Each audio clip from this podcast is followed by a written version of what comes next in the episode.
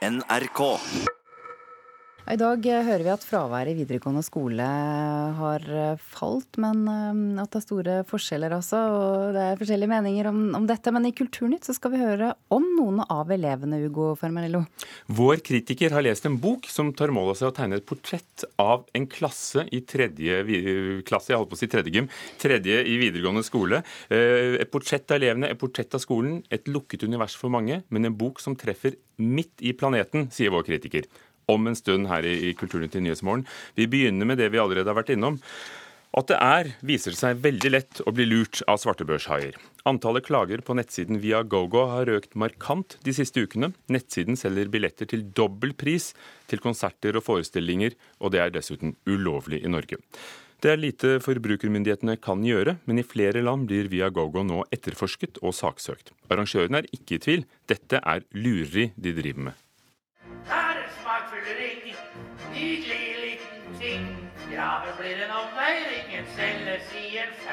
Søndagens forestilling av musikalen Le Miserable nærmer seg slutten på Folketeatret i Oslo.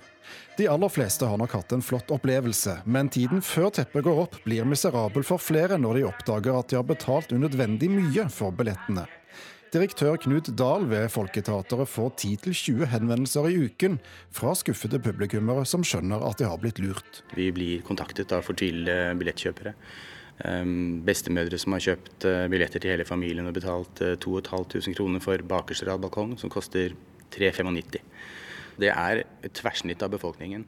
Alt fra ja, det er menn, kvinner, det er folk som er i arbeid, folk som er pensjonister, det er ungdommer, det er eldre. Det er, ja, det, det er alle sammen. Det er, det er ingen som behøver føle seg dumme fordi de har gjort dette her. NRK har fortalt om Via GoGo flere ganger før. I Norge er det ulovlig å videreselge billetter dyrere enn den originale prisen, men det er akkurat det Via GoGo gjør. Når utenlandske superstjerner gjester Norge, har nettsiden prøvd seg. Det nye nå er at også norske artister og mindre forestillinger fanges opp av billettsiden. Takk og si ja, og bli med oss og spikk. Nei, vi har ikke tid, og vi må finne skjegget. Den tradisjonsrike juleforestillingen Putti Plutti Pott skal på turné landet rundt i år også. Gjør du et Google-søk på forestillingen på jakt etter billetter, kommer Via Gogos side øverst.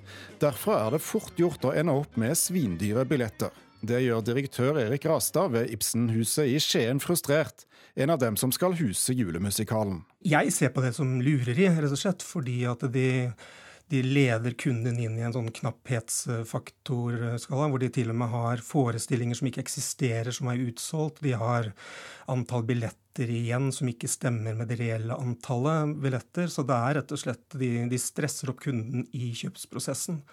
Derfor kan ikke vi karakterisere det som noe annet enn rein skjær lureri. Det er nesten umulig for norske kunder å klage på Via GoGo, for selskapet har adresse i Sveits. Men der har myndighetene nå saksøkt nettsiden for villedende markedsføring. Det samme skjedde i høst i Australia. I Storbritannia har Via GoGo blitt etterforsket av Konkurransetilsynet i lengre tid, og nylig ble kontorene deres ransaket.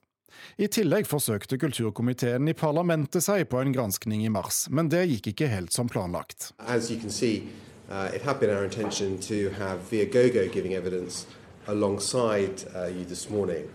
And it is a considerable disappointment to us that Viagogo have decided not to send a representative. En skuffet komitéleder Damien Collins måtte konstatere at Viagogo simpelthen ikke møtte opp til høringen i parlamentet. Politikerne har enda ikke kommet med noen konklusjoner, men muligheten for å blokkere nettsiden har blitt diskutert. Enn så lenge har leder for forbrukerdialog i Forbrukerrådet, Pia Cecilie Høst, bare ett godt råd til norske billettkjøpere som garantert virker. Den siste par ukene faktisk, så har det vært en, en veldig stor økning av antall henvendelser. Og det er jo alt fra at man betaler på en måte overpris, til at man faktisk ikke engang kommer inn på konserten. Så ja, eh, vi vil fraråde å bruke dette selskapet og heller prøve å, kjøpe billettene direkte fra arrangørene og bruke andre steder enn Viagogo. Og som i parlamentet i London har eh, selskapet Viagogo heller ikke gitt lyd fra seg når NRK har forsøkt å stille dem spørsmål. Reporter var Thomas Alvarstein Ove. Frode Elton Haug, juridisk direktør i Forbrukerombudet, god morgen. God morgen. Hva er din reaksjon på det du hører? Dette her er jo en kjent uh, historie, det, dessverre. Um, og det er jo en historie som har um, utviklet seg i en feil retning nå de siste månedene. Vi har jo opplevd en økning i antall klager uh, til oss i Forbrukerombudet. Tidligere så var det jo mest i forbindelse med Justin Bieber, Springsteen, altså store konserter som var utsolgt, at vi hørte om Viagogo. Men det som har skjedd nå de siste månedene, er jo at det er Putti, Plutti, Potti, Skien og Le Miserable på Folketeatret og den typen forestillinger som kanskje heller ikke er utsolgt, da, og der folk likevel betaler grov overpris for de billettene. Er det noe dere kan gjøre? Det som vi har gjort, er at da Viagogo dukka opp i, i, Norge, eh, det var jo litt etter at denne svartebørsloven trådte i kraft for ti år siden, så tok vi opp eh, dette her problemet med Viagogo. Da var de basert i England, og det er vel mye som tyder på at de fortsatt har en viss tilstedeværelse der, sjøl om de nå offisielt er etablert i Sveits. Så vi tok jo opp saken med firmaet og sa at dette her er i strid med lovgivningen i Norge, det er de driver med. Ba dem slutte med det, og ja, svaret var ryk og reis eller noe i den duren, da. Så det er klart, for oss å skulle følge opp den saken videre da overfor en utenlandsk aktør, når vi ikke har noe felles europeisk lovgivning eller muligheter for å be forbrukermyndighetene i det landet der de er etablert, stoppe det, det blir veldig, veldig ressurskrevende. Så du sier det er egentlig fint lite myndighetene kan gjøre? Altså vi, i, i, vi, samarbeider nå med eh, kollegaer hos andre europeiske forbrukermyndigheter om felles prosedyrer overfor eh, firmaer som Google, Facebook, de som formidler annonsering. Det er jo derfor forbrukere havner inn i dette problemet, at de finner de annonsen på Google. Så nå er vi i en prosess der vi eh, jobber med å få på plass en, en enklere og uh, mer effektiv prosedyre overfor f.eks. Google, for å få fjerne de annonsene fra nettet når det er ulovlig reklame. Det beste håpet er en rettssak i, i Sveits. Hva går det ut på? Ja, Det er jo to problemer i denne saken. Den første altså det som gjør at folk eh, handler for 2500 billetter som koster 500 kroner originalt. Det er jo resultatet av direkte villedende markedsføring. Og det er klart, Der har Sveits eh, omtrent de samme reglene som det vi har i Norge og resten av Europa. Så Der har sveitsiske forbrukermyndigheten nå eh, i høst stevner via GoGo for en domstol. og Det er for å få slutt på den villedende markedsføringa. Vil det bety noe for oss? Det vil jo bety at folk ikke opplever dette her, at du ser billetter for Le Miserable som, oppri, altså som angis pris ja, 800 kroner, og så plutselig, rett før du skal betale, når du har lagt dette her i handlekurven, fylt inn alt informasjon, så spredt prisen opp til 2500. Det er en sånn klassisk eh, villedende markedsføringsmanøver som sjølsagt er i strid med lovverket.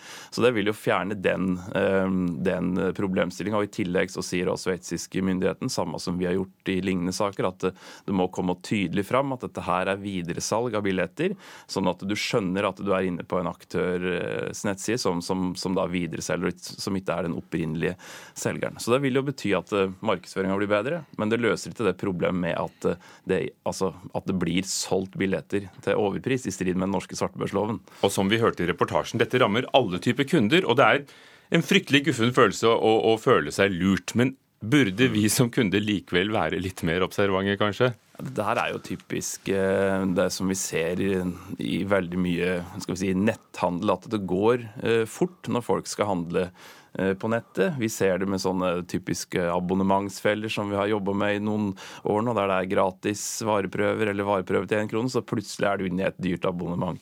Det går På noen sekunder så har du klikka deg inn på en annonsa, så er du i gang med å kjøpe, og du har liksom fokus på at eh, det er dette her produktet du skal skaffe som er det sentrale. Så, så du er enig i at vi skal ikke skamme oss hvis vi er blitt utsatt for det? Nei, på ingen måte. Som vi hørte i reportasjen her, så det her er noe som skjer med alle og enhver, så, så det er ingen grunn til det.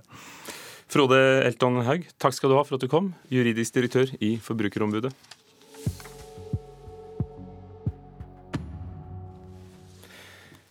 Den tidligere kultlederen Charles Manson er død, 83 år gammel, som vi hørte allerede i, i Dagsnytt. Manson har vært fengslet siden 1960-tallet for medvirkning til drapet på bl.a.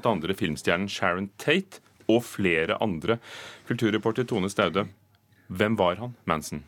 Ja, altså Han ledet på 60-tallet det vi kan kalle en kult, med såkalte blomsterbarn som han omga seg med.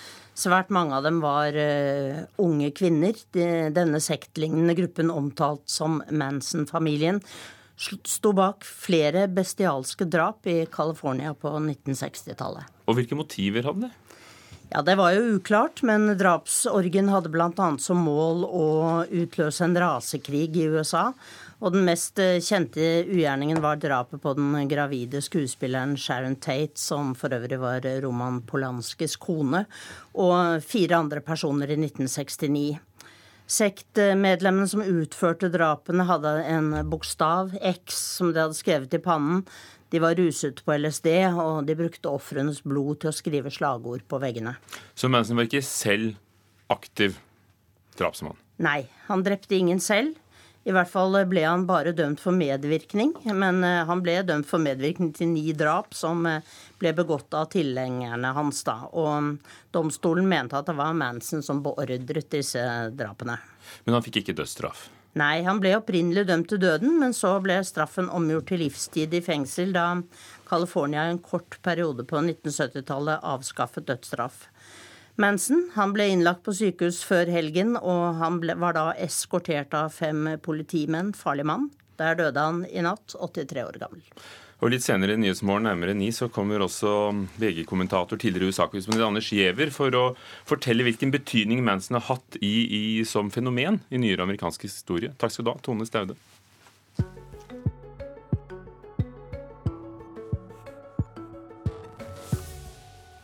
I morgen er det igjen tid for utdelingen av den norske bokprisen, Brageprisen, i ulike litterære kategorier. Det betyr jo noe, ikke bare for æren og berømmelsen, men også for salget før jul. Og i klassen for sakprosa finner vi en bok som heter nettopp Klassen. Det er en skoleklasse det er snakk om, nærmere bestemt en tredjeklasse på videregående skole i Oslo, skrevet av TV 2-journalist Marte Spurkland. Knut Hoem, vår eh, litteraturanmelder, hva, hva vil Spurkland med boken?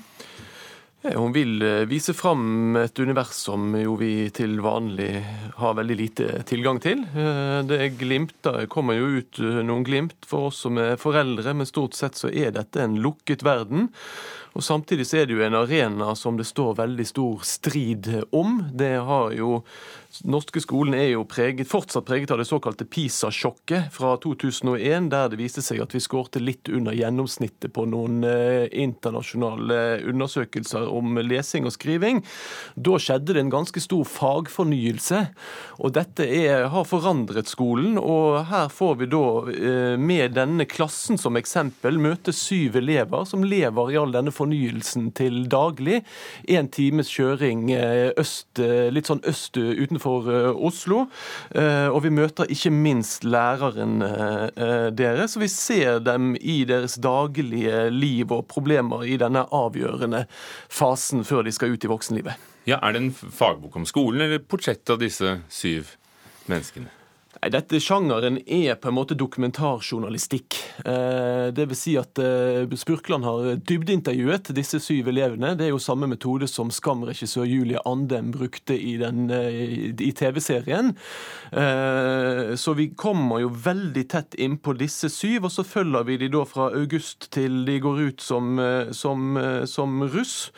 Og vi møter de jo Flere av de har jo veldig store utfordringer, som det heter, hjemme. Det fins en, en, jente som driver så å si hele familien, mens faren er en kjeltring som lever mellom Iran og, og, og Oslo. Det finnes en jente som blir utsatt for et seksuelt overgrep, og som forsøker å takle det med å legge svære, avanserte puslespill sammen med sin mor. Det finnes en gutt som lever i en gjeng som krever eh, at han er totalt lojal på fritiden, og samtidig skal han levere oppgave om Arne Garborg når han kommer på skolen.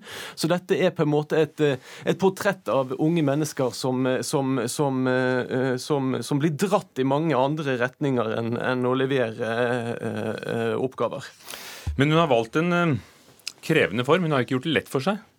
Nei, Det er ikke lett å interessere leseren for syv hovedpersoner. Eh, det vet alle som har skrevet eh, kollektiv, eh, såkalte kollektivromaner. Det er ikke uten grunn til at de fleste TV-serier har én hovedperson per sesong.